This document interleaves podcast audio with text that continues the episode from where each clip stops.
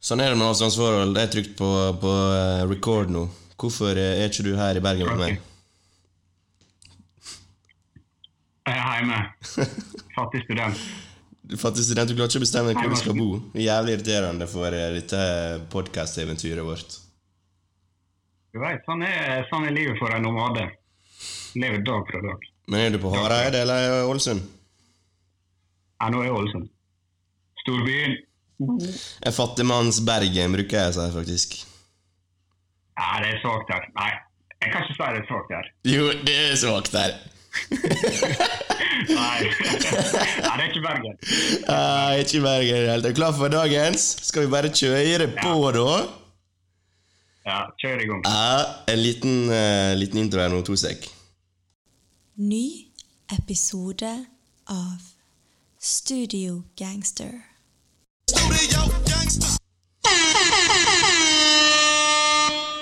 Yes! Det funker like bra. Alltid. Heimelaga. Det er som jeg sier, eh, vi, vi lager ikke podkast, vi produserer. Sant? Ekte produsent. Du er min favorittprodusent. Ah, du, jeg har vært litt irritert fordi eh, folk skjønner ikke helt navnet vårt. Studio Gangster. De tror vi bare tatt studio og gangster og bare satt det sammen fordi det er kult. Og det er jo ikke kult. Og det er ikke derfor vi har gjort det. Det er litt kult. Nei. Altså, det er kult med meninger bak det, men studio og gangster i seg sjøl er ikke kult. Det er, altså, studio Jeg tror det, altså, det, det Kan ikke du bare si hva grunnen er? Bare, bare gi deg en, en gang for alle grunnen. Ok, En eh, studiogangster det er enkelt og greit en som er tøff i trynet når han er i studio, bak tastaturet, men ute på gatene så er han eh, Han er, han er pyse. Han står ikke for det han Han, han er mye tøffere i trynet da, når det han kan skjule seg bak i mikrofon eller tastatur. Vi kan flippe det, da. Du, du er kun gangster når du er i studio. Ja, Enkelt og greit. Så derfor det vi heter studiogangster. Ikke fordi at jeg syns det er kult, to kule ord som passer sammen. Listen er it. Ok, Andreas. Hva har vi på eh, agendaen i dag? I dag skal vi snakke om våre favoritt eh, og rapper collabs. Rett og slett. Det er dagens tema. Men før det så skal vi snakke om ny musikk, bro. Hva har du hørt på? Ny musikk? Åh, det har vært så mye, da. eh, Spesielt nå på fredag. Jeg tror jeg hørte 30 nye sanger før klokka var ti på dagen. Uff, jeg er på jobb, da. Men eh, vi må selvfølgelig snakke om Bergens eh, Kamelen ute av jailen. Eh, Fri Kamelen! Endelig er han fri. Deilig. Venter på han. han har samarbeida med svenske G. Dixon over en trackbeat. beat. Syns det er kult de har fått til dette samarbeidet. Og uh, Ja. Jeg synes det var en typisk Kamelen-låt. Jeg likte det, og jeg tror uh, de som er fan av Kamelen, kommer til å like det de hører her. Tror de kommer til å sette pris på det. Aldri hørt om han svensken før. tunge tider. Men jeg syns det er gøy at uh, Kamelen er ute nå, sånn han kan bare mate byen med musikk. Jeg tror han er masse på lager. Masse stacked ammunition. Rett og slett. Ja, det tror jeg også. Jeg, han er jo eh, han har jo satt i varetektsfengsel nå lenge, så han har jo sikkert hatt mer enn nok tid til å eh, jobbe med lidenskapen sin og Ja. grunnlaget for ny musikk. Og bare så for å si det, tror eh, Kamelen han, eh, han er ikke studiogangster. Jeg skriver under på det. Sant? En annen eh, men vi, vi får ikke på ny, norsk ny musikk, tenker jeg. Jeg hørte en del på Isa. Forstår ikke hva han sier, men fy faen, det er balsam gang. Det er balsam for sjela. Det nye refrenget på, på sangen der, 'Drukne', jeg tror kanskje det er årets eh, sommerlåt for meg hittil. ass. Hørte den? Eh, jeg har faktisk gått glipp av den låta. Shit. Jeg har ikke hørt den. Jeg har hørt eh, noe av andre med laga slipe. Og, eh, og Nei, jeg vet ikke. Jeg vet ikke hvorfor det har gått meg ut forbi. Det var så mye ny musikk. Du må Så, ikke, må ikke tenke bare for er musikkpodkast at du må høre absolutt hver eneste lyd som kommer ut av Spotify hver fredag, bare fordi vi skal ha noe å snakke om. For vi har noe å snakke om uansett. sant? Må høre det viktige. Nei, jeg tenker ikke på det, men jeg er jo glad i å høre nye ting. sant? Og så blir du litt overvelda. og- Ja, du må høre Isa, for det er balsam. Jeg lover. Nei, jeg skal sjekke ut. Jeg skal sjekke ut. Anna norsk. Vi fortsetter med norsk. Aldri hørt om henne. Musti. Jeg tipsa deg om den eh, her ja. når det kom ut. Hørte du noe på det? Uh, ja, du sendte, Andreas jeg sendte meg en låt av uh, Misty. Misty. Aldri hørt om. Og jeg er veldig svak på norsk uh, rap og R&B, egentlig. Så jeg tenkte ja, jeg får sjekke ut det her. Og jeg ble faktisk veldig imponert. Ja. Jeg likte Eh, produksjonen. låta, låta du sendte meg, kom jo fra en ny EP og nettopp sluppet. 'Mellom høybyggene', var det det den het? Ja, og den sangen som var best, syns jeg, det var den uvanlige sangen. Eh, jeg likte den veldig godt. altså. Ja. Den var kul. Så eh, Ja. jeg tror hun er på Nora Kollektiv. Jeg tror eh, Det er vel Arif sin, sin paraply, det, med artister. Så kanskje ikke mye mer andre spennende ting derifra. Mulig. Jeg synes i hvert fall Du sendte meg den ene låta, jeg hørte hele EP-en. Jeg syns det, det var sjukt bra. Det var frisk pust, og hun kunne rappe. og Jeg kommer til å se fram til neste gang hun slipper noe ny musikk. da. Faktisk. Gøy. gøy. Eh, Anna Karen, vi skal eh, bevege oss over dammen, da, til Mr. Anderson Pack. Jeg sa til deg han var artist med stor A. Det er han. sa han. det, Det er han. det, det stemmer. Satan, hvor Jeg så talentfull han er. musikkvideoen eh, rett før du ringte meg her.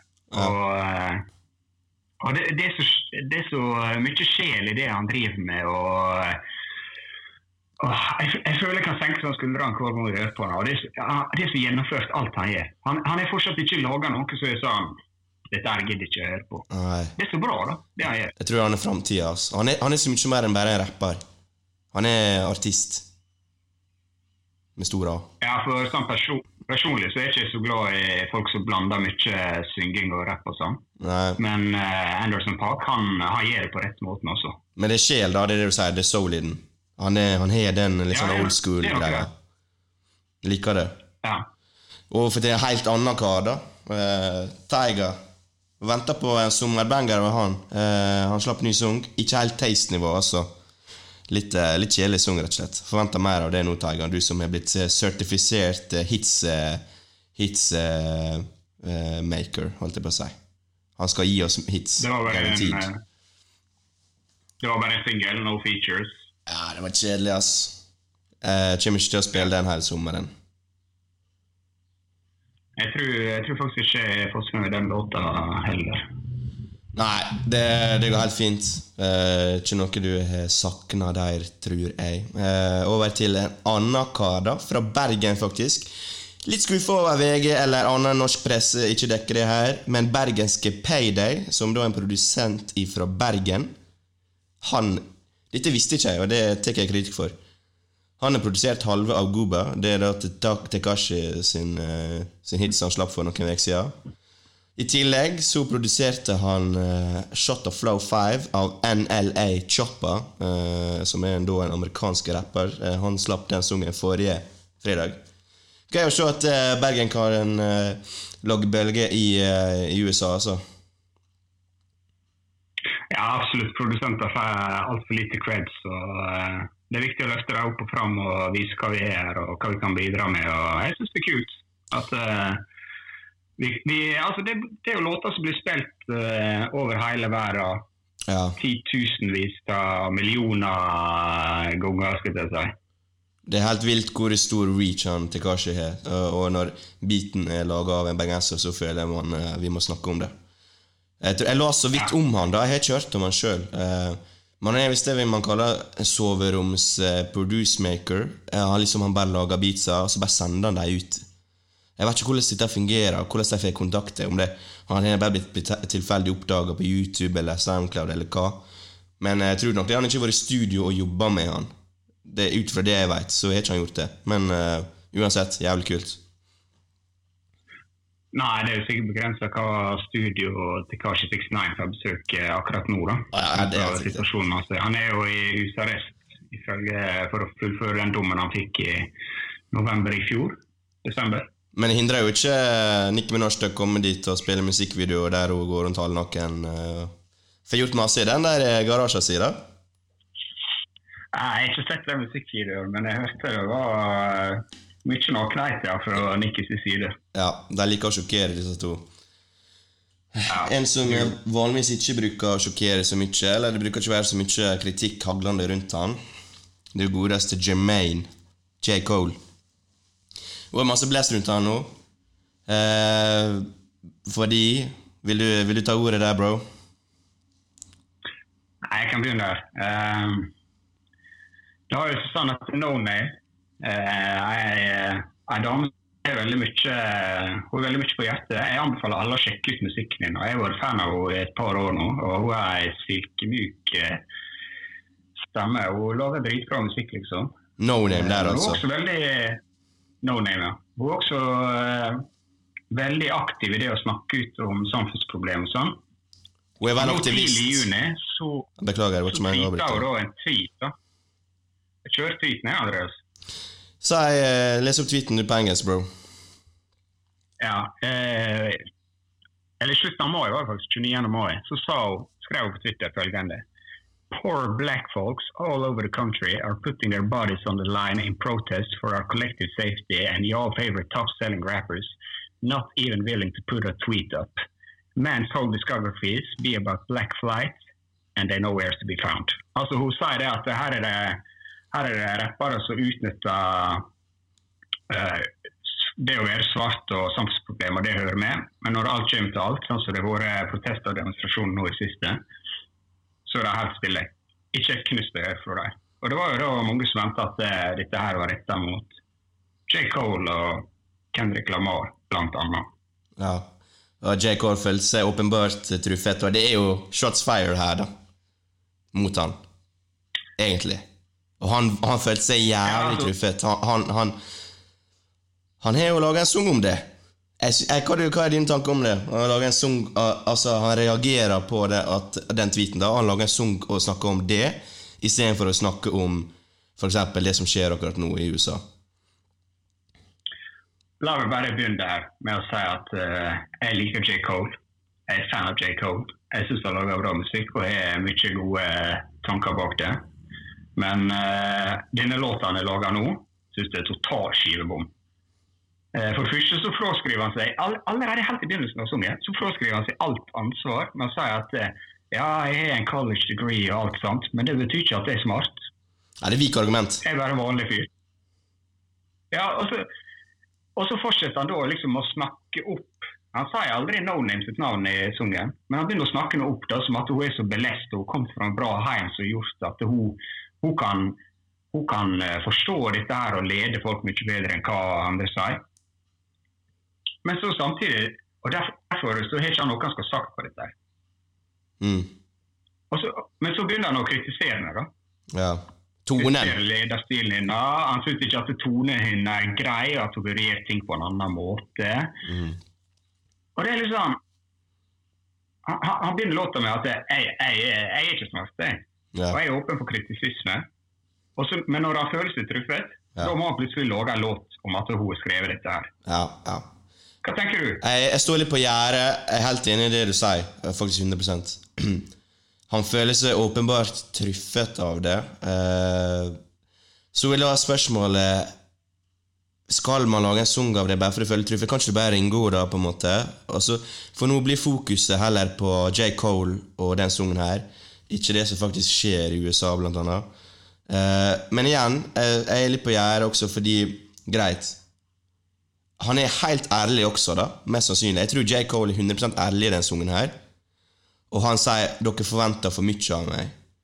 Og jeg kan skjønne det fordi eh, Selv om han ikke har tvita om det, så kan han ha gjort mye bak kulissene her. Vi har jo snakka om det før. Han har vært og demonstrert, han har vært i protestene.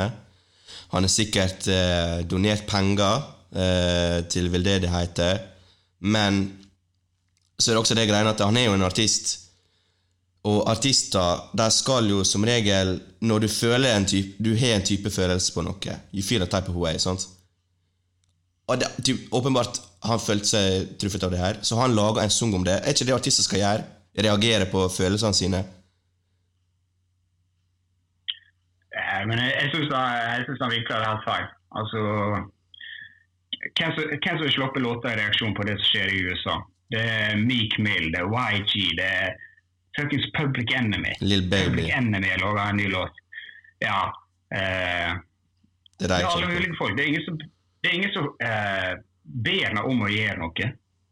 Men det er klart at når du er han er liksom den woke-rapperen. Folk, folk har litt stolthet i å si jeg liker J. Cole fordi han er liksom smart og oppgående. Og så Ja. kommer han her og sier jeg er ikke noe smart, jeg er bare en rapper. Jeg jeg, Ja, det er litt Dere kan ikke forvente så mye av meg. Det er rart, altså. Eh, vi, jeg syns det er Ja. rart å si det. Men han er iallfall ærlig. Eh, men se for deg sjøl, Marton. Du blir hylla som faen av alle andre, og alle forventer at du skal steppe opp nå, uansett hva det gjelder. Men du bare føler djupt inni deg Vet du hva?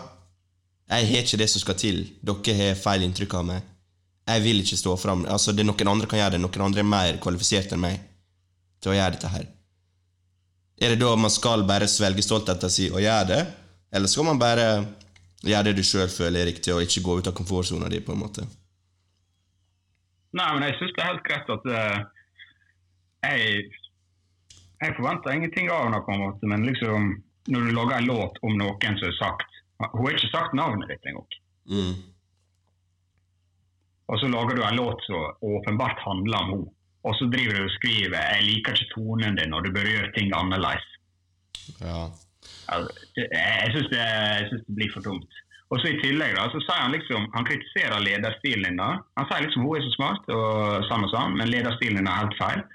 Og så skriver han i, på Twitter eh, etter han slapp låta da, at folk bør følge henne, at han, eh, han er veldig glad i henne, og han, og han hyller henne som en leder i disse tidene. Men bro, du sa nettopp at eh, lederstilen din er ikke bra, og så sa du at du hyller henne som en leder. Hva er, hva er det som skjer der? Det er litt sånn som på det folkealbumet albumet han slapp, der han snakka om Lill Pump. Mm. At han liksom, han, liksom han, han prøver ikke å disse noen. Det er bare en vennlig samtale. Men han sier jo rett ut i den låta at det, du virker som en dum fyr. ja. Han prøver på en måte. Han prøver på en måte å hva kan si, lecture. Lecture people, kanskje. Litt sånn Ja. preaching. Ja, og så, pakker han det inn i respekt, men det, det er egentlig ikke det det er. For meg. Han var jo ikke direkte disrespectful heller, da. Føler ikke jeg. Nei, jeg syns det, jeg synes det er det. Ja. Det er litt sånn Hva skal jeg si eh, Ikke for å være frekk, Mm. men.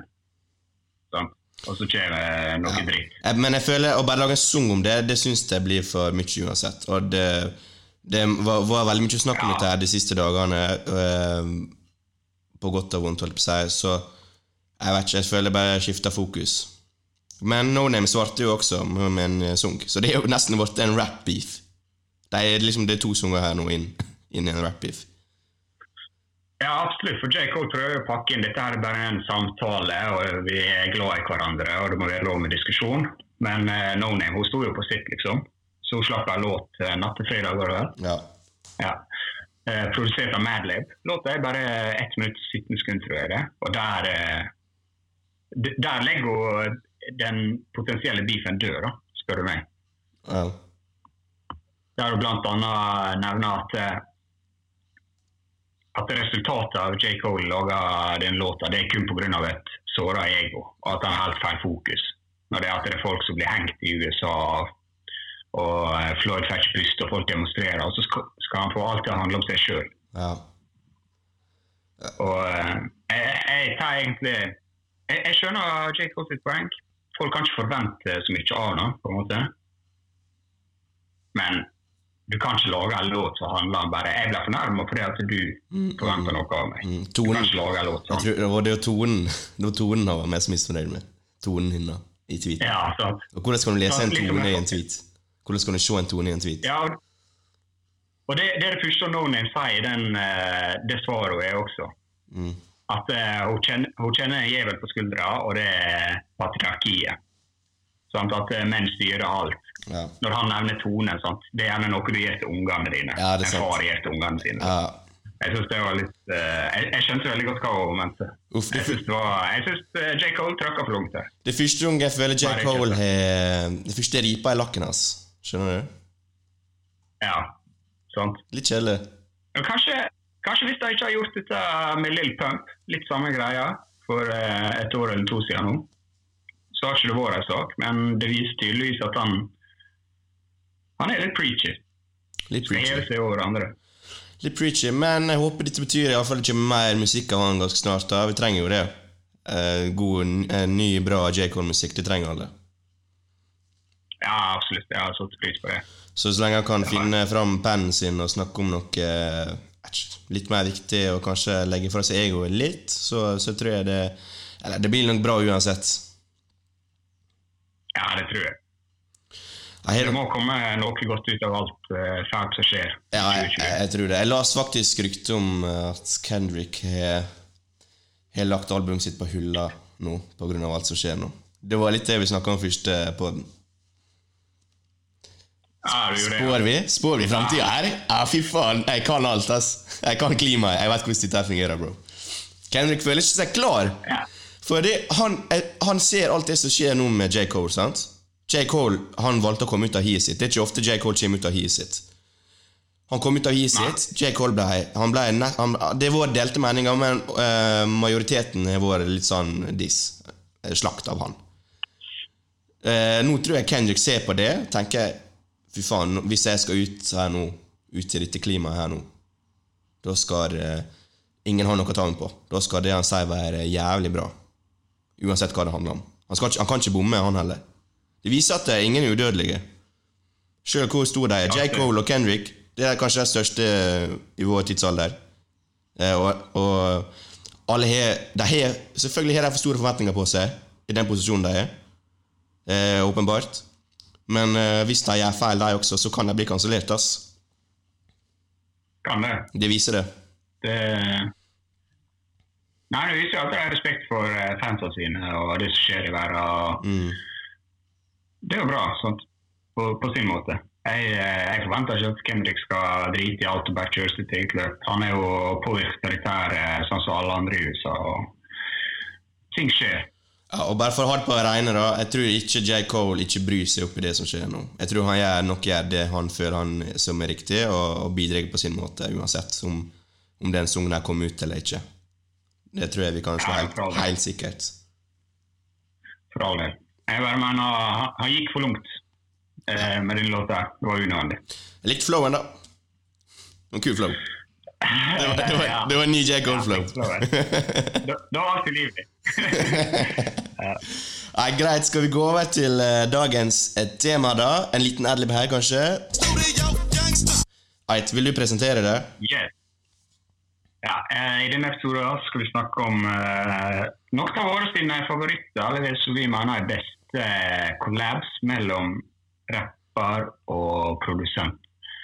Og For meg så ble det naturlig Det er så mange rapper og produsenter du kan ta med som er duoer, som f.eks. Eric B. Rakim, Mob Deep, Gangstar, Brenda Jules. Jeg har i hvert fall prøvd å ta dem vekk, bare for å gjøre det litt mer interessant. Og Andreas nevnte minimumskravet. Her måtte være at dere har minst, minst laga én sang i lag. Så Ja, vi de prøver må nok ha flere enn det. de- de Ja, at de må ha jobba litt i dag. Sant? Det er ikke bare en one and done. Nei. Så eh, det heter på godt norsk. Eit. Hvem skal Så, eh, starte? Jeg, jeg kan begynne eh, hvis du ikke har lyst. Ok, start, bro. Start dansen. Ja. Jeg har lyst til å begynne med kanskje ikke den beste, men jeg liker det veldig godt. For det, ja, jeg skal forklare det. Den første jeg vil snakke om i dag, det er Rissa Ghostface Killer. Rissa er jo eh, frontfigur, rapper og produsent for eh, Wu-Tang Clan. Legendarisk Wu-Tang Clan. Alle eh, lytterne våre har jo hørt på Wu-Tang Clan, selvfølgelig. og Ghostface Killer, som er en medlem i Wu-Tang Clan. sant? Eh, grunnen til at jeg tok fram eh, denne duoen her, det er fordi Rissa har produsert Ghostface sitt eh, debut, debutalbum, Iron Man. Så er et av mine favorittalbum gjennom tidene. Og på eh, det andre albumet til Ghostface så har han også produsert 10 av 21 låter eh, på det albumet, som heter Supreme Clientele. Og Rita han produserte jo mye for alle eh, gutta innen Wu-Tang Clan på eh, 90-tallet og tidlig 2000-tallet. Og da, jeg synes Rita han har produsert f.eks. Uh, Only Built for Cuban Links av uh, Rayquan og Liquid Source av Jizza, som jeg syns objektivt er bedre album enn kanskje Iron Man. Men jeg syns bare bredda Rissa og Ghostface har seg imellom, er eh, Du må nesten verdsette det. Sånn som for på De, de kan fortelle De kan lage sanger som alt fra eh, mafioso-teams til eh, det å være forelska i barndommen. Sånn som låta 'Child's Play' på Spring til. Det er liksom De har et sånt unikt forhold der eh, Ghostface rapper om det å være forelska. Er kanskje 10-11-12 år, og Rissa klarer å ta den biten og lage til at du du føler du blir yngre, på en måte. At dette her er en sånn uskyldig tid og sånn. Musikkbiten er det sånn. Dette er veldig uskyldig og spennende og sånn. Og så er det låta 260, for eksempel, som er en ren historiefortelling om et uh, dopran. Og All That I Got Is You, som er Ghostface rapper om det å ha det vanskelig når du er ung og fattig å må dele soverom med fire søskenbarn, eller hva det skal være. Liksom. De har bare så stor bredde. Skjønner du hva jeg mener? Nei, dette har du hørt mye mer på enn meg. Ass. Jeg har jo nesten ikke hørt på, på deg. Mister jeg kredibiliteten nå? Nei, nå er vi ferdig. Nå går det ettermiddag. Fy faen, nå var det masse på hjertet. er det, det, der. du, du kan, eh, det er noe med det å kunne produsere eller liksom jobbe i lag og så lage en hel del forskjellige greier. Ja. At du kan gå fra ene, ene sida til den andre, og det fortsatt funker bra. og sånn. Som sagt, Mm. jeg syns Freestyle har produsert bedre album med andre Wu-Tang-medlemmer, men jeg syns Freestyle Ghostface de, de, liksom, de har den kjemien. De kan, de kan nesten lage hva som helst, kan du si. Men Rissa han er jo også rapper, sant? Han driver ikke bare med produksjon. Freestyle er rapper, ja. Det er han. Han skriver Han er, han er sånn eh, han, er, han er ikke sånn rapper som Dr. Dre. Han skriver sine egne låter. Han er ikke sånn produsentrapper. Ja. Nei, nei. Nei. nei. Det er sånn. Men, Han er en MC. Ja, for all del. Men uh, han, er, han, er veldig, han er veldig dyktig produsent. Jeg er helt nærmere som produsent og rapper, kan du si. Produserer han fortsatt? Ja, ja. Eh, Siste jeg kjente til, det er Believe It or Not. Det er faktisk en Miley Cyrus-låt. She Is Comic. Og da, eh, eller, fra, eller fra albumet 'She's Coming', Låta heter eh, Dream. Og da spør jeg deg, Andreas, hvem du tror som har en feature på den låta fra Wu-Tang-kollektivet? Uh, jeg vet faen. Justin Bieber. Ja, nesten. Men uh, det er selvfølgelig Ghostface Killer. De har den bredda. De kan gjøre hva som helst. Det er det jeg mener. At de er en så bra duo. Skulle ikke trodd det, disse Wutang-gutta der, at de er så eh, stor bredde. På Miley Cyrus. Nei, det er ganske rått. Når kom ut? Jeg syns det er kult. I fjor. Nei, Satan. Shit, skal jeg ta min første, da? Har du fått eh, letta på hjertet ditt? Rune og Wutang for life. Wu-Tang Forever. Ja. Skal jeg ta min første, da? Ah, og dette er en goat med stor G. Jeg kan bare lime inn en goat-emoji her, hvis det har gått an. Eh, dette er kanskje litt kontroversielt valg, men eh, den første jeg velger, det er Kanye. Og Kanye. Vent, vent! Du? Kanye West and Kanye West. Best rapper, best producer collabs. Ja, Ja, skal, men Kanye West er jo ikke den uh, topp fem beste rapperen uh, produsent Kanye West jobber med en gang. Er det lista over topp fem beste rappere med topp fem beste producers? Nei. Det er ikke det. Nei. Der er Stemper. Hva tenker du? Ok, trenger jo in- ingen introduksjon, selvfølgelig. Alle veit hvor bra musikk Kanye West lager. Og grunnen til jeg har han på den lista, er fordi eh, majoriteten, eh, eller en stor del av katalogen hans, har han produsert sjøl. Og rapper selvfølgelig sjøl på de sangene. Det, det er enkelt og greit derfor han er på lista mi. Det er anthems på anthems. Han er en manisk geni. Ingen sampler så bra som han. Jeg vet ikke hvordan det er med deg, Martha, men jeg, hver gang jeg hører en Kanye-beast, så gjenkjenner jeg det med en gang. i så fall. Jeg kan høre at det er Kanye. Eh, veldig unikt. Måten han Han har sjøl sagt at eh, det beste instrumentet som finnes, det er the human voice. Og måten han twister og mekker med stemma si, eller, eller stemma til andre, for å lage melodier, altså den, den er helt unik. Living Goat, søk opp Kanye West Deconstructed på YouTube.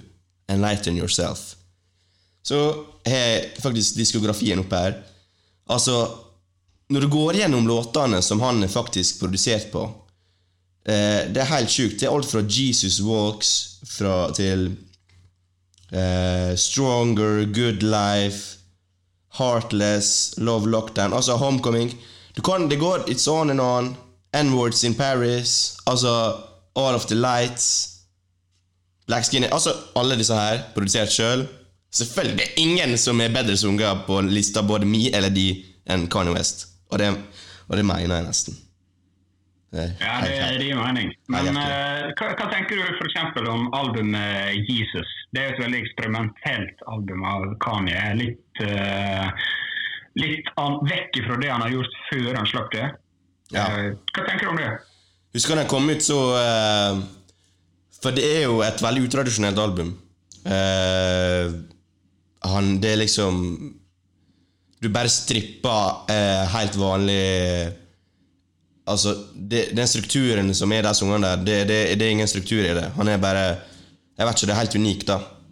Eh, Når det kom ut, så var det liksom blanda følelser, men når du går tilbake på det, så er det faktisk eh, litt, vokser litt på meg. Ikke sant? at Jeg hører på, på det så ofte, men han er litt sånn ofte ahead of his time. da. Og Det er kanskje den største kritikken jeg har mot Kanye akkurat nå. For hver gang fram til jeg føler Life of Pablo, så har han alltid pusha musikken litt framover, eller litt ny retning. Men nå så føler jeg han liksom tilpasser seg til klimaet, eller hvordan sung, eh, lyden er akkurat nå. Så det er kanskje min eh, kritikk eh, til Kanye akkurat nå, at eh, kanskje han ikke klarer å fornye seg mer. Eh, men eh, for all del, han har ingenting mer å bevise, og det er jo umulig å, å, å, å liksom holde på med det her til det uendelige. Sant? Han har jo begynt å Han har jo vært i, i gamet ganske lenge nå, han også. Ok, så hvis jeg, Du sier jo Kani er best produsent sammen med Kani rapper. Hvis du må velge ett album resten av livet, Kani Kani, hva kjører du? Ett Kani-album? Ja. My Beautiful Dark Twisted Fantasy. Det er jo det beste albumet. Altså. Ti av ti album. Ja, det, det er veldig vakkert produsert, men jeg vet ikke om det er det beste rapper Kanye-albumet. Men greit. Det, Ja, det er mitt valg, bro, så ikke, ikke ta meg. Jeg vil ikke forsvare det. Ta, ta neste. ok, jeg kan siden vi snakker om Kanye, jeg har faktisk Kanye på lista mi her også. Jeg også. Selvfølgelig for produsent og ikke rapper. uh, mitt bidrag her, det er Kanye West og Kanon. Chicago-duoen, sant? De møttes først på 90-tallet, men eh, de begynte ikke å jobbe i lag. Eller de begynte faktisk å jobbe i lag på eh, The College eh, Dropout, første albumet til Kanye. Da hadde Kamen en feature der, og etter det så signerte Kamen for Kanye sitt plateselskap Good Music. Og et år etterpå der så kom albumet Be, altså å være, av Kaman. Og det er nesten helt produsert av Kanye. Der er litt hjelp av uh, Jay Dilla på det albumet. Rest in Peace. En av de beste produsentene vi noen gang har hatt, og dessverre er ikke han med oss lenger. Og for meg, da så jeg synes Det jeg synes er så bra uh, med dette albumet, her, og hvorfor jeg har lyst til å nevne dem som min beste rapper uh, og eh, produsentduo, kan du si, det er at kjemien deres er så sinnssykt klaff på dette albumet. her. Altså, den poesien eh, er, han, er, han er så mjuk, han er så, alt høres så bra ut. og Han kan rappe om de enkleste ting, og det høres så eh, det høres bare så Det går rett i hjertet. Jeg, blir- glad i meg når jeg hører på dette uh, albumet. Og jeg syns, egentlig det er derfor dette her er mitt, kanskje mitt favoritt-Kani-album. At uh, han, han er fortsatt ikke begynt å eksperimentere så veldig mye. Det er veldig soul-basert, og det er veldig behagelig å høre på. Og jeg vet, hver gang jeg skrur på dette albumet her, eh, introduksjonslåta, altså første låta, den heter jo også Be. Mm. Altså, eh, når den bassgitaren begynner å spille, Kjønn, keyboard, piano, strøff trommene, Ja. kan man bare si yes. Altså, du hører selvsikkerheten stemme. Altså, dette her blir bra. Og så Ja. alt bare akkumulerer i en så, en så dritbra låt. Han bare slipper verset sitt, og alt høres bare magisk ut. Eh, det gleder meg i hjertet. Det er jævlig bra album. du, Andreas, du er nettopp eh, begynt å høre på dette albumet. Ja, jeg liker det. ass. Det er, det er faktisk sykt bra album. Ja. Det er nesten så bra. Jeg har kjørt så mye på Common, så jeg vet ikke om jeg gidder sjekke ut resten av katalogen hans. Jeg blir sikkert jævlig skuffa. Nei, det blir ikke det. Jeg vet ikke om jeg vil si det er beste Common-prosjektet, men det er definitivt uh, topp tre. Ja. ikke mitt favoritt-Common-prosjekt. Jævlig bra. Det var vel kanskje comeback-albumet hans. Han hadde vært borte noen år, og så kom han tilbake med det albumet her. Eller det forrige albumet hans floppa eller noe sånt. Jeg husker ikke. Syns jeg leste noe om det. Ja, det så han slapp uh, Electric Circus før det albumet her. Og det var sånn han prøvde seg å være veldig eksperimentell og, og prøve nye ting og sånn, og det var katastrofe. Det fikk veldig dårlig kritikk, og veldig få folk som likte det og sånn, så jeg tror kanskje det å ta et steg tilbake, og dermed kan Investor fortsatt ikke ha begynt å eksperimentere så mye. Han holdt fortsatt ting ganske relativt enkelt. Mm. Det var et veldig rett steg for Kamen, og så akkumulerte det å være et dritbra album. Anbefales på det høyeste, faktisk, det albumet. Sjekk det ut. Bra valg, Morten. Ja, hvis, du, hvis du ikke hører Be of Kamen, så må du eh, sette det på i kveld. Også. Bare pause oss nå, egentlig, og bare hør det ferdig. Ja, Ja. et deilig album. Nei, enig, enig, det er fint valg. Eh, Men la oss bare eh, ta min neste, da. Bare la oss få det åpenbare eh, elefanten ut av rommet her, da. Eminem og Dre, mitt neste valg. Selvfølgelig må vi snakke om dem. Eh, De møttes jo på en tid der Dre starta og Han var midt i, i jobben med, med 2001, albumet sitt som slapp i 1999. Eneste missing linken i det albumet, som, eh, og det var Eminem. Eh, Eminem trengte selvfølgelig Dre fordi han ville ha karriere. hva faen. Eh, men Dre trengte også Eminem like mye, vil jeg si. Tror ikke 2001 har vært like bra uten han. De får fram det beste hverandre. De hit it off med en gang. Den første sangen de, de laga, var jo My Name Is, og det jo, gjorde jo de etter noen minutter i studio. Han er ikke produsert så sånn hinsides mange sanger som man skulle tro, kanskje, eh, for eh, Eminem. Men det er jo alt fra My Name Is, The Reason Shady, Forgot About Dre. Forgot About Dre har jo Eminem skrevet tekster i sin highlight før eh, han hadde en beat. Han gikk til Dre med tekster, så Dre måtte jo produsere den beaten til tekster hos Eminem. Og det skal visst være jævlig vanskelig. Ikke at jeg har noen personlig erfaring med det. Men eh, Og jeg, jeg føler bare den Forgot About- Dre, det er liksom bare Det er peak av begge to. Jeg er enig, men uh, jeg er spesielt. Du er jo veldig stor eh, Eminem-fan. Ja. Men jeg, jeg mener da at det er viktigere produsenter Eminems i uh, oppstartsfase, skal du si, enn Dr. Dre. Du Best sa jo selv at han er ikke produsert så mange låter som du tror. Men hvis du tenker på det, da. Altså Jeff og Mark Bates. Mm. Har jo Just Don't Give a Fuck, White America, Cleaning Out My Closet, Square Dance, Without Me, Sing for the Moment, Superman, Lose Yourself. Selvfølgelig. Dr. Dre har sånn liste å komme med når du jobber med Eminem? Ja. Nei, jeg føler det. Eh, altså, My Name Is The Reason Shady Forgot About Dre. Det, det er jo selvfølgelig mange flere enn det. Men eh, de, må jo være på topp Det er fem-liste. Jeg, jeg føler det er åpenbart valg. Er åpenbart valg. La meg trykke på den linken her som jeg lagra i mitt Word-dokument. Og så skal jeg få lese opp alt han har produsert. Hvis du vil det. The Slim Shady Jeg veit alt, alt han har produsert. Jeg visste du kom til å velge det, så jeg har gjort fagleksa mi. Jeg, kan- jeg kan lese opp uh, Jeff Mark Bass sitt arbeid også. Ingen vil høre om deg, bro. Ingen veit hvem det er. Det er beste låta. det er med dem! Han er my name is. Ja, det, er det er jo sjukt mange som er produsert for Altså Tenk hvor kjedelig det vært hvis eh, en, du hadde én produser resten av livet ditt. Faen, da hadde musikken vært ensformig. Ja. ja, du er enig i det? Jeg er enig i det. Jeg bare mener at uh, Jeff Bates har større rolle som produsent i Eminem enn eh, Dr. Dre. Ok, greit. Men uansett, Dre, da. Vi kunne jo nesten pare han med flere. 50 Cent, for eksempel. In the Club, osv. Eh, California Ja. Love, Tupac. Uh, den, eh, det er jo en klassesang. Kunne vært på Ja, lista snakk om, uh, Hæ? snakk om California Love. Jeg har Dr. Dre på lista her sjøl. Vi er to av vi er to like produsenter her på lista vår. Ja. Og dette her, dette her mener jeg da, dette her er kanskje det jeg mener er den beste duoen mellom uh, rapper og produsent i hiphop-historia. Ja. Og det er Dr. Dre og Snoop Dogg. Etter Dr. Dre forlot eh, NWA i 1991, eller slutten av 1991, så skulle han ha laget sitt eget uh, debutalbum, The Chronic. Men alle vet jo det at eh, Dr. Dre Du kan jo ikke skrive låter. Du kan kan rappe hvis noen skriver låtene for deg. Men altså Han kunne jo ingenting. Altså, han var kanskje en av de største produsentene på den tida, men han kunne jo ikke. Hvordan skulle han få til dette? her? Og Resultatet er jo tydeligvis at Snoop Dogg han er på 13 av albumets 16 låter. Det er sjukt. Snoop Dogg er over hele albumet. Snoop Dogg. Er på hele fuckings albumet. Det er sjukt. Tror, folk undervurderer Snoop ass. på den tida der. Han var massiv.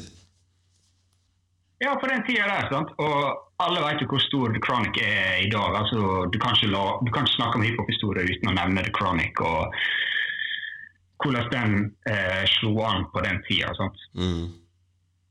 Og det, Dette resulterte i at året etterpå så eh, var det Snoop Dogg sin tur. Nå skal Snoop Dogg ha debutalbumet sitt, Ja. Doggy Style, ja. produsert av Dr. Dre. Sjukt, ass. Debuterte som nummer én på Billboard 200. Over 800 000 salg første veka i USA. På den tida så var det det raskestselgende hiphop-albumet noen gang. Ja, Den laga rett og slett lyden eh, for West, uh, Westside eh, rappers på 90-tallet. Altså, det, det var lyden fra California, rett og slett. Snoop Dogg og Dre. Ja, de satt standarden. Mm. De laga standarden. det, det, ja, og det syns jeg også at eh, Snoop Dogg han er jo gitt ut uh, over ti album eller noe sånt. Og uh, disclaimer, jeg har ikke gått gjennom Snoop Dogg sin diskografi sånn veldig. Men Doggy Style står langt over alt annet han har gjort. ja. Og det, det er det jeg mener her, at eh, kjemien de to imellom, eh, produsenten Dr. Dre og rapperen Snoop Dogg, den er så bra. De, de løfter hverandre så mye at det De blir bare på et nytt nivå, begge to. Du kan ikke snakke om Dr. Dre uten Snoop Dogg. Du kan ikke snakke Snoop Dogg uten Dr. Dre. Nei, og hvis de hadde droppa en sang i, i dag, så hadde vi blitt gira og interessert med en gang. Nesten 30 år Ja, det tror jeg også. De har jo jobba litt i lag på noen av de andre albumene Snoop Dogg har gitt ut, sånn, men han har jo stort sett hatt andre produsenter. Det har ikke gått så bra. Nei. Og jeg kan nevne på det albumet du nevnte i stad, 2001, så hadde Snoop fire features på 22 låter. Ikke så veldig mye, Eh, men det var fortsatt bare Hitman som hadde flere features. Ja. Men hvis du går inn på Dr. Dre sin Spotify-bruker i dag, da, så er det Still, DRE og The Next Episode så er det to mest streama låtene ifølge Spotify. ja. Og hvem som featurer på deg, Andreas? Snoop Snoop Dogg. Doggy Dog. Men vet du hvem det er som egentlig har skrevet The Next Episode, eh, store deler av den sangen? Tekster? JC. Ja. Jeg har sagt deg før. Det er derfor du visste det. Jeg veit alt. Nei, Ikke fortell om 90-talls. det er sjukt. Liten fun fact her. Jeg Tror du mer du vil si om uh, The Dynamic Duo? Nei, jeg syns de er den beste. Det er kanskje min min, min duo med mest kjemi, syns jeg. Ikonisk. Hva, hva er din neste på lista, Andreas? Vi, tenk, eh, vi, vi beveger oss litt eh, til nyere tid her. Eh, og jeg skal snakke om Drake og Boy Wonder. Har du hørt om han? Boy Wonder? Jeg har hørt om Boy Wonder, men eh, Drake aldri hørt om. Nei, Han har etablert seg som en av de beste produsentene det siste tiåret. Uh, han står for noen av de største hitsa det siste, det siste tiåret uh, av mange artister. Men han har produsert eh, for Drake jevnt og trutt på nesten hvert album. Har minst tre-fire sanger på hvert album. Jeg har vært med Drake helt fra starten av, før han ble kjent, faktisk. Eh, han er hitgarantist, da, Boy Wonder. Eh, han er noen av sangene han produserte produsert for Drake, da, det er Headlines, God's Plan, 8 out of 10, Mob Ties, Forever, der Kanye, Eminem og, Lil Wayne er på, og eksempel Work av Rihanna. Så det, er store numbers her bak, eh, bak disse ungene. Og det er så ekstremt Hvis du går gjennom katalogene, så er det så ekstremt mange har så ekstremt mange production credits for, for så mange forskjellige artister. Alt fra uh, Rihanna som sagt til Chris Brown og, og Eminem og, og Drake. da. Uh, men det viktigste produsenten for Drake er dog en som er kalt Noah Shebib 40. Det er bestevennen hans. Han er da executive producer. da Han, han står for uh, selve sounden eh, til Drake. For alltid det høres sammenhengende ut.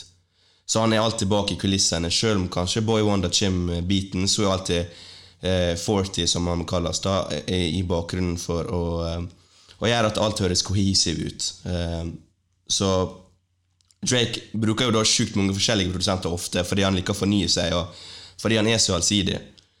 Eh, og det kan fort høres veldig rotete ut, men han klarer det fordi at Noah, Forti Shabib er der i bakgrunnen og, og fikser alt. Så det går egentlig opp for meg her og nå at eh, jeg burde jo ikke ta Drake og Boy Wonder. Jeg burde jo ta Drake og, og Forty istedenfor, når det snakker han fram på den måten her. Men grunnen til at jeg har valgt Boy Wonder, er fordi eh, jeg blir veldig ekstremt gira når jeg ser at eh, Boy Wonder har produsert en Drake-song, eh, Drake-song, og da vet jeg bare at det er en, en banger, rett og slett. Og det er det jeg vil ha av Drake. Jeg vil ha, jeg vil ha en, en banger. 100 Jeg har ikke så mye mer å si annet enn det, egentlig. Jeg vil ha noe som får meg opp. Nei, jeg skjønner Jeg skjønner eh, argumentet ditt, altså. gjør det. Ja. Men han eh, hva du kaller Noah, han blir litt mer sånn uh, uh, Jeg kjenner ikke på hva han heter. Diddy, da. Han er litt mer i kulissen og styrer ting. Ikke nødvendig han lager beats. Han er mer sånn. Disse lyden vi skal ha. Nei at det skal være sånn og sånn. Men, Forty han, han er skikkelig produsent, han også. Han produserer mange av Drake sin låter også. Men i tillegg til det så er han executive producer på nesten alle albumene hans. da. Eh, men han er ikke sånn som P. Diddy, nei. Eh, for P. Diddy produserer på en annen måte. Han heller skaffer det features eller eh, finner det en hook, liksom. Det er liksom det han er, føler jeg, da. Eh, men eh, nei da, han er, han er en eh, skikkelig sånn produsent-nerd. Og det, uten Drake hadde det vært Nei, uten Forty hadde det vært ingen Drake. De er liksom best friends også, så det, Drake er jo en av mine favorittartister, så jeg følte jeg måtte ha han på lista. Uh, skal vi bare hoppe videre på neste, eller er det noe du vil skyte med på her? Som vi ikke bruker for lang tid. nei, det blir jo litt sånn som Shug Knight var executive producer på The Chronic. da. Jeg tror ikke han hadde så mye med det å gjøre. Nei, Tror ikke det. Tror, tror det var Dr. Drake produserte eh, 99,999. det er sjukt. Drake Drame må håpe han, fått, han har jo selvfølgelig fått pengene i etterkant, men eh, fy faen, da tror ikke han fikk pengene han hadde krav på. ass. Nei, garantert ikke med slimålen. Shug. helvete. Fuck night. Hvis du hører med Shug og jeg møter deg i gata her, da får du høre det. Han er inne, bro, for life. Jeg veit det. Det er derfor jeg er studiogangster og sier det der. ok, next. Har vi en til? Ok, ok, en til. Uh, den her synes jeg var åpenbar. Jeg satt og tenkte på hvem skal jeg ta på dette her, og så tenkte jeg jeg har ganske mange gamle rappere. Hva med Kendrick Lamar? Hva er det som skjer der? En av vår tids største rappere, eller vår tids største rapper kanskje, han går rett inn på topp ti med hiphop-heads flest. Så begynner du å sjekke ut der, da. Hvem som har produsert for ham. Og han er jo uh, Hva eh, heter labelen hans? Top Dog Entertainment. TDE. TDE. Og det er jo, veld, ja, det er jo veldig sånn inhouse. Vi er alltid i lag og sånn og sånn. Uh, vi er så og så mange prosent, alle jobber på alt, på en måte. Det er litt sånn. Uh, men så begynner jeg å gjøre litt research. Jeg finner ut at det er en produsent som heter Soundwave. Han møtte Kendrick eh, først da han var 16 år, og siden da så har de jobba i lag. Fra Kendrick sin EP i 2009, som heter Kendrick Lamar, og helt fram til dem så har han vært i kulissene der. da.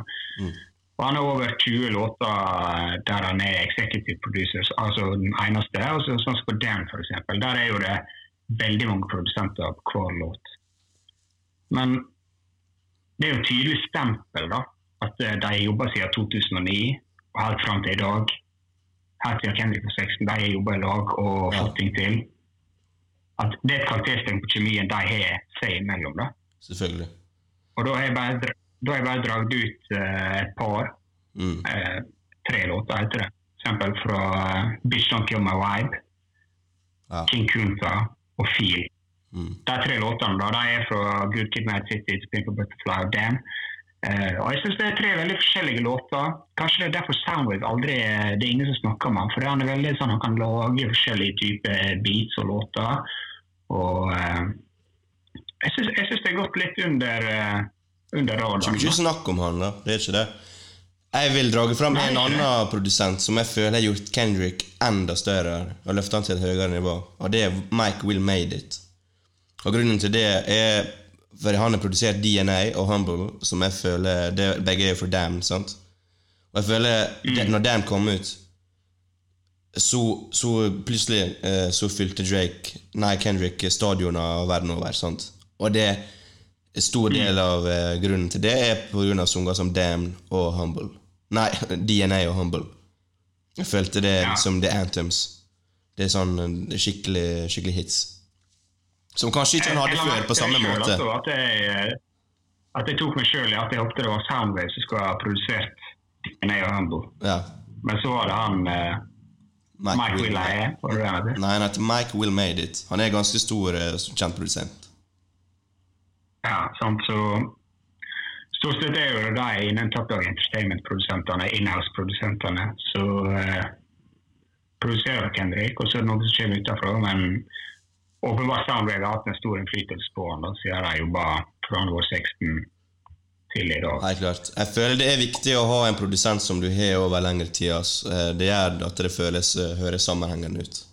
Jeg tror Det hjelper veldig mye Ja. på, på stempelet du får på deg som, som artist og rapper. Ja, det er sikkert mye, det er mye lære, de kan lære av hverandre.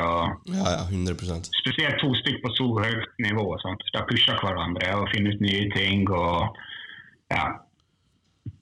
Selvfølgelig. Skal jeg ta min next? Og min siste store, store katt? Eh, Ja. Faen, Kanye West av Tredje gang, da? Helvete. Og nå setter vi han med JC. Helt i starten så Kanye og JC. Jeg måtte komme. Jeg måtte komme. Helt i starten var jo Kanye egentlig kjent som produsent. Ingen ville høre han rappe, selv om han prøvde å rappe til alle. Men ingen ville være interessert i å høre han. Eh, han har jo produsert stor del av Blueprint-albumet til Jay, eh, som jeg syns er hans sitt beste album. Og nesten kun basert på at han har produsert store deler av det albumet, så fortjener han en plass på lista. Sunget fra Age to the Isso, Heart of the City, Never Change, Takeover, som da er diss-tracken til, eh, til JC mot Nas, har han produsert. I tillegg har han produsert da mye oh, av ja, og i tillegg har han produsert en stor del av Watch the Throne, da, som er da eh, samarbeidsalbumet mellom Kanye og Jay. Nei, shit, hva, hva, hva har jeg mer å si om Kanye?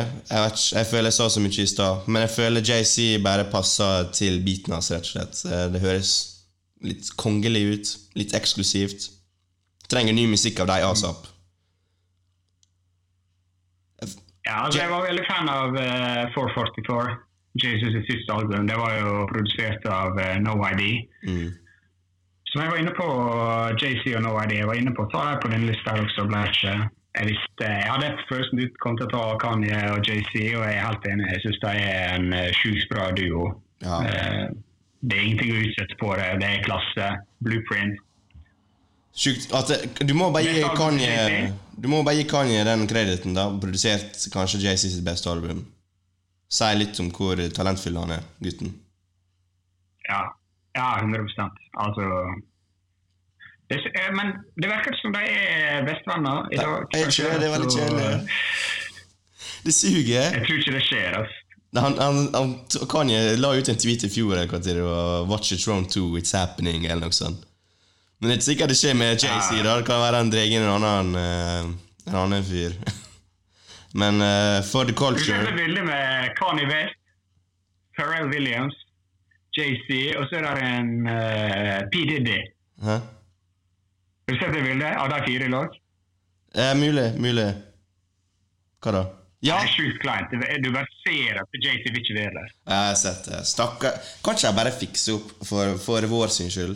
Legg fra dere alt det bullshit. Ja, bare fiks det, bros. Vi trenger ny musikk. Tenk på meg og Andreas. Ja, helsike. Jeg vil bare nevne kjapt også Jeg vet en fyr du ikke liker, men det er Rick Rose og Justice League. Justice League er jo da tre personer som går under det navnet. Det står for Just Undeniably Some of the Illest Composers Ever. Det er faktisk et jævlig kult navn. Terningkast? Eh, Nei, jævlig kult. Jeg liker det. jeg liker det Som jeg sa om JC og Kanye West, det høres jævlig eh, kongelig ut når de er i lag på en sang. Når de produserer sammen. Og det gjør i alle fall Rick Ross og Justice League. Fy faen, du føler deg rik bare du hører på det. Det er en filmmusikk. Film, musikken er så cinematisk, da. Stemmer til Rick Ross, produksjonen deres, det passer sammen som hånd i hanske. Eh, det lager, Sangene er rett og slett de, de lager bare en veldig spesiell atmosfære. Og, og Høres veldig braggadoosh ut, men det er ikke kødd engang. Du føler deg rik. Så søk opp Rick Ross og Justice League på Spotify. Press play og bare nyt. Det, jeg lover deg. Det, den produksjonen til Justice League der, det, det er helt, helt unik. Så jeg tenkte jeg måtte bare nevne det kjapt. Jeg så også hvor mange andre som, som dro det fram når jeg drev og gjorde research på nettet, og jeg er helt enig. Det fortjener en shout-out. Eller utrop på godt norsk. jeg tror, eh, jeg tror vi kunne snakka lenge her, altså. Ja, shit. jeg. Skrev her med lita tekst her. Metro Booming og Future og 21 Savage, lyden der dominerer jo dagens lyd, rett og slett. Take Heat, en av mine nye favoritter. Jeg gleder meg bare til å høre mer av han. Han har produsert sanger med Drake. Jeg bare håper det kommer mer av, eh, av de to sammen. Jeg føler det kan bli en dødelig duo. Mike Will Made It snakker jo om DNA og Humble på Kendrick. DJ Mustard The fire. Weezy fire. Det er så mange bra produsenter ute nå, da. Eh, det er helt det er overflod av det. Eh, det kan man. Hæ? Det vokser, og det blir bare bedre og bedre og større og større muligheter. Pluss du kan eh, bli en uh, stor produsent fra uh, sengekøya di hjemme, som uh, vår bergenske venn No Name Nei, hva hete Payday. Sorry. Shout out to Payday. Eh, han eh, viser at det er mulig. Så hvis det er noen eh, inspiring, aspiring producer som hører på dette her, bare få det på nettet. Alt kan skje. Få det ut. Det er mitt råd. Helt enig. Bare for å runde av, da. Ja. Bare for å runde av, så vi snakker om mye tøffe gutter nå. Jeg skal bare skyte inn en kort siste introduksjon. Rhapsody. Eh, en av de beste rapperne jeg vet om er nå i dagens klima. Hun jobber tett og hardt med legenda Ninth Wonder. Sjekk ut Lailas Wisdom. Sjekk ut albumet Rhapsody som kom ut i fjor. Et av mine favorittalbum fra 2019. Mm. sjek- jeg søkte nå på Metacritic. Hun er 80, de to albumene som lister der, 87 og 90. Nå snakker vi Kendrick-nivå. ja, vilt. 87 og 90. Ingen, ingen snakker om det. Nei, og du skal heller ikke snakke mer om det nå, for vi begynte å dra ut tida. For jeg skal spørre et siste spørsmål her. Favorittprodusent og favorittrapper akkurat nå, og passer de sammen til å lage en sang? I dagens miljø Ja. Og hvem er det? Klipp ut tenketid. Eh. Dette er ikke umulig spørsmål. Nei, hva sier favorittprodusent og favorittrapper? Bare, om, altså, kunne jeg laga en sang? lag ja eller nei? Så sier jeg hvem er favorittprodusenten din nå? Nei, det er jo vanskelig å ikke si Alchemist, da, bare for han var så aktiv, men uh... Ja, Greit. Alkymist og favorittrapper akkurat nå. Og det kan du ikke si Freddy Gibbs. ja, men jeg har ikke så mange favorittrapper akkurat nå. Det må bli Kendrick. Da. De har faktisk en uh, låt på Damn. Det visste jeg ikke. Nei, jeg tror ikke det. Uh, gi meg et uh, Alchemist-produsert uh, Kendrick Lamar-prosjekt, og jeg skal legge ned podkasten. Du har vist pæling. Eit, eit. Slipp å plage dere. Hvis du spør meg spørsmålet, du, da? da vil jeg høre Eminem og Kanye. Nei, Jo, jo, jo. det, det, går ikke, det går ikke overens i det hele tatt. Jo, jo, jeg tror det. Verden er ikke klar for det ennå, men jeg tror, jeg tror jeg er jævlig klar. Nei, det, det har ikke gått. Det har ikke gått. Ah, shit. Nei. Bro, vi runder av. Eh, tusen takk for at du hørte på eh, episode to. Eh, vi eh, Marton er da som sagt ikke i Bergen, derfor er det litt dårligere kvalitet, selvfølgelig. Håper dere klarer å, å leve litt med det. Eh, gi oss gjerne feedback på hva som funker, eh, hva som ikke funker. Eh, vi blir veldig glad for å høre det, og vi blir veldig glad for å høre om du deler podkasten med andre som kunne hatt interesse av det. da Så er det noe du avslutter med, du, Marton? Sjekk ut Common sitt album eh, B, sjekk ut Doggy Style, sjekk ut No Name og Rhapsody. Og så selvfølgelig shout-out til Karoline Smådal. Hva skulle vi gjort uten henne, Andreas? Tusen takk til Karoline Smådal for å fikse et fire coveralbum for oss. Og eh, jeg skal avslutte med Om dere ikke er enig med angående Kanye West og min prising av han, så kan du høre på guden sjøl hva han, eh, han syns om det. Snaggast! I am the number one most impactful artist of our generation. I am Shakespeare in the flesh. Walt Disney, Nike, Google. Now, who's going to be the Medici family and stand up and let me create more? Or do you want to marginalize me till I'm out of my moment? Or why don't you empower yourself and don't hmm. need them and do it yourself? How, Sway? Take a few steps back to go. You ain't got the answers, forward. man. You ain't got the answers. Kanye. I- you You ain't got you- the if- if answers. you- if- You you- ain't got the answers, Sway. Kanye. I've been doing this more than you. Doing what You more ain't than got- me? Come on, chill out. You bro. ain't got the Kanye, answers. You ain't got the answers. asking you, You ain't been doing the education. Studio gangsters.